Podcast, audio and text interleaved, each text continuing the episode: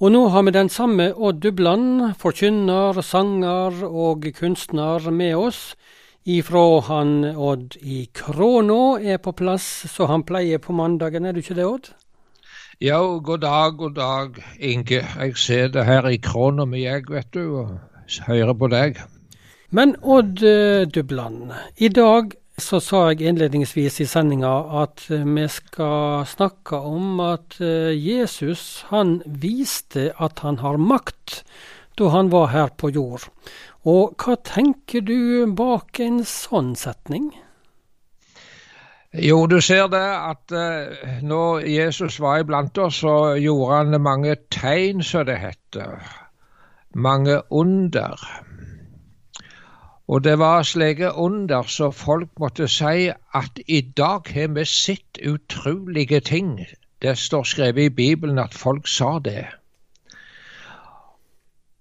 Og disse under som Jesus gjorde, det kan ikke forklares med hypnose eller placebo. Og Jeg skal ta fram uh, tre eksempel på det fra Bibelen. Ja, Høyre, hvor vil du begynne da? Ja, det var en gang en mann, han var spedalske. og Det er jo en fryktelig sykdom som ødelegger hele ansikt og hender og føtter. Og så kommer han til Jesus, denne mannen, og så sier han det rett og slett. Dersom du vil, kan du gjøre meg rein. Og så står det skrevet det at Jesus fikk inderlig medkjensle med han. Altså Jesus tok til synd. Og han rettet ut hånda og rørte ved han. Han tok på han altså. Og så sier Jesus 'Jeg vil bli rein'. Og med det samme så var sykdommen borte, og mannen ble reine.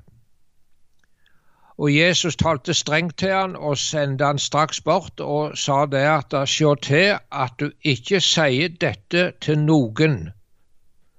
Men du vet at det gikk ikke så godt, eh, du Inge, for mannen han for rundt og fortalte dette med en gang, han, vet du. Ja, det var vel ikke så lett å holde det inne? Nei. Men Jesus hadde makt, altså, på en merkelig måte. Og jeg skal ta et eksempel til. Det var på sjøen Genesaret. Det bles opp til en forferdelig storm. Og jeg eh, var en gang der nede i Israel da vi opplevde en storm på Genesaretsjøen. Jeg var ikke på, i båt, jeg, men jeg var på land. Og jammen så kunne det være vanskelig nok med en eh, liten båt oppi det der. Og læresveinene og Jesus de var om bord i båten, men Jesus sov. Ja, han gjorde det. Han lå og sov altså, midt oppe i stormen. Ja. ja. Og så vekte de han og sa det, Herre, frels oss, vi går unna. Og så svarte Jesus, hvorfor er det så redde, hvorfor det så er lite truende? Og så reiste han seg, og så trua han vinden og sjøen, og det ble blikkstilt. Det må ha vært veldig rart å oppleve? Ja, og det står skrevet der at mennene, altså disse læresveinene, de undra seg og sa hva er dette for en? Både vind og sjø lyer han. Altså, Jesus hadde makt over elementene, til og med. Og så er det en, eh, et eksempel til det var ut forbi en by som heter Jeriko. Og eh, da eh, var det en mann som sa der ved veikanten som var blinde. Og så var det mye folk på veien, for det, det var mye folk der Jesus gikk. De fulgte med og ville se hva som skjedde, og høre på det han sa. Og da sier de til den blinde mannen at det er Jesus fra Nasaret som kommer forbi. Og da begynte mannen å rope, Jesus, du Davids sønn, miskunna deg over meg. Og de som gikk før, de eh, prøvde å stagge mannen og så sier det til han at du får være stille. Men han ropte bare enda mer, du Davids sønn, miskunna deg over meg. Og da er det at Jesus stoppet og ba de leie den blinde fram til han. Og da sier Jesus slik, hva vil du jeg skal gjøre for deg? Og mannen sier, Herre, la meg få igjen synet mitt. Og så sier Jesus, du skal bli sjående. Truna di har frelst deg. Og straks kunne han sjå. Og han ga seg i følge med Jesus og lova Gud. Og hele folket som så det, de priste Herren altså for det.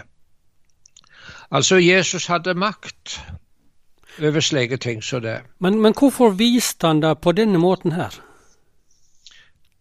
Nei, altså, dette viser fram til den tid da, da, da alt sykdom skal være vekke, og all nød skal være vekke. Alt det vanskelige i det, det som Bibelen kaller for himmelen og den nye jord. Det, det viser fram til det. Men så tenkte jeg på dette spørsmålet som denne mannen fikk av Jesus. Hva vil du jeg skal gjøre for deg? Ja, hva tenkte du da? Ja, si nå det at Jesus hadde kommet til hver enkelt av oss i dag og spurt deg hva vil du jeg skal gjøre for deg. Da er jeg sikker på det at det var mange ting som hadde kommet opp. Det kan være helsemessige ting, sykdom i familien og hos seg sjøl. Det kan være fattigdom hos noen. Det kan være livsens stormer som bryter ut. Jeg tror nok det at mange hadde kommet med ting som de ville at Jesus skulle ha ordnet opp og brukt makt på. Men så begynte jeg å tenke på meg sjøl. Ja, det er nok ting jeg hadde lyst at Jesus skulle ordne opp i livet mitt. Men eh, det var én ting som Jesus hadde makt til. Og det var det han hadde makt å tilgi synd. Ja, og hvorfor har han makt til å tilgi synd? Jo, fordi at han tok straffen for synden på seg og de som tror på Jesus, får sine synder forlatt. Og her er det et, eh, noen eh, vers fra en salme i Bibelen, en salme av David. Det var det viktigste spørsmålet. Der sier han det slik Skjul ditt andlet for mine synder. Stryk ut all miskull Gud, skap i meg eit reint hjerte, og gi meg ei ny og stødig ånd. Driv meg ikke bort fra ditt andlet, ta ikke fra meg din hellige ande. Dette er det absolutt viktigste av alle spørsmål, og dette kom Jesus for å løse. Han har makt på jord og tilgi synd. Og jeg tror nok det er når det kommer til kriget, som jeg sier, det er et merkelig uttrykk, det altså, så vil det for mange kanskje bli det til slutt. Nei, for all den ting jeg visste, kan jeg ei min Jesus miste. Han, ha, han har makt å tilgi synd. Og det har vi opplevd mange ganger i vårt eget liv, der så det står i en sang eller salme jeg står for Gud som allting vet, og slår mitt øye skamfullt ned. Jeg vet min synd, at den er stor i tanker, gjerninger og ord. Det er meg gjennom hjertet skjær, og Gud meg synder nådig vær. Jeg tror det er at det er ingenting som Jesus heller vil mer enn nettopp det å få tilgi oss vår synd. At vi kommer til Han og tror på Han, da får vi det. Det kan være mange ting som kan være greit at Jesus kunne tatt seg av og hjulpet oss i. Men når det er livets selve, det viktigste av alltid, det, det absolutt viktigste spørsmål, så blir det dette kan Jesus tilgi synden og gi oppreisning, og det er det han kan. Det var noen tanker som jeg hadde i dag, du Inge.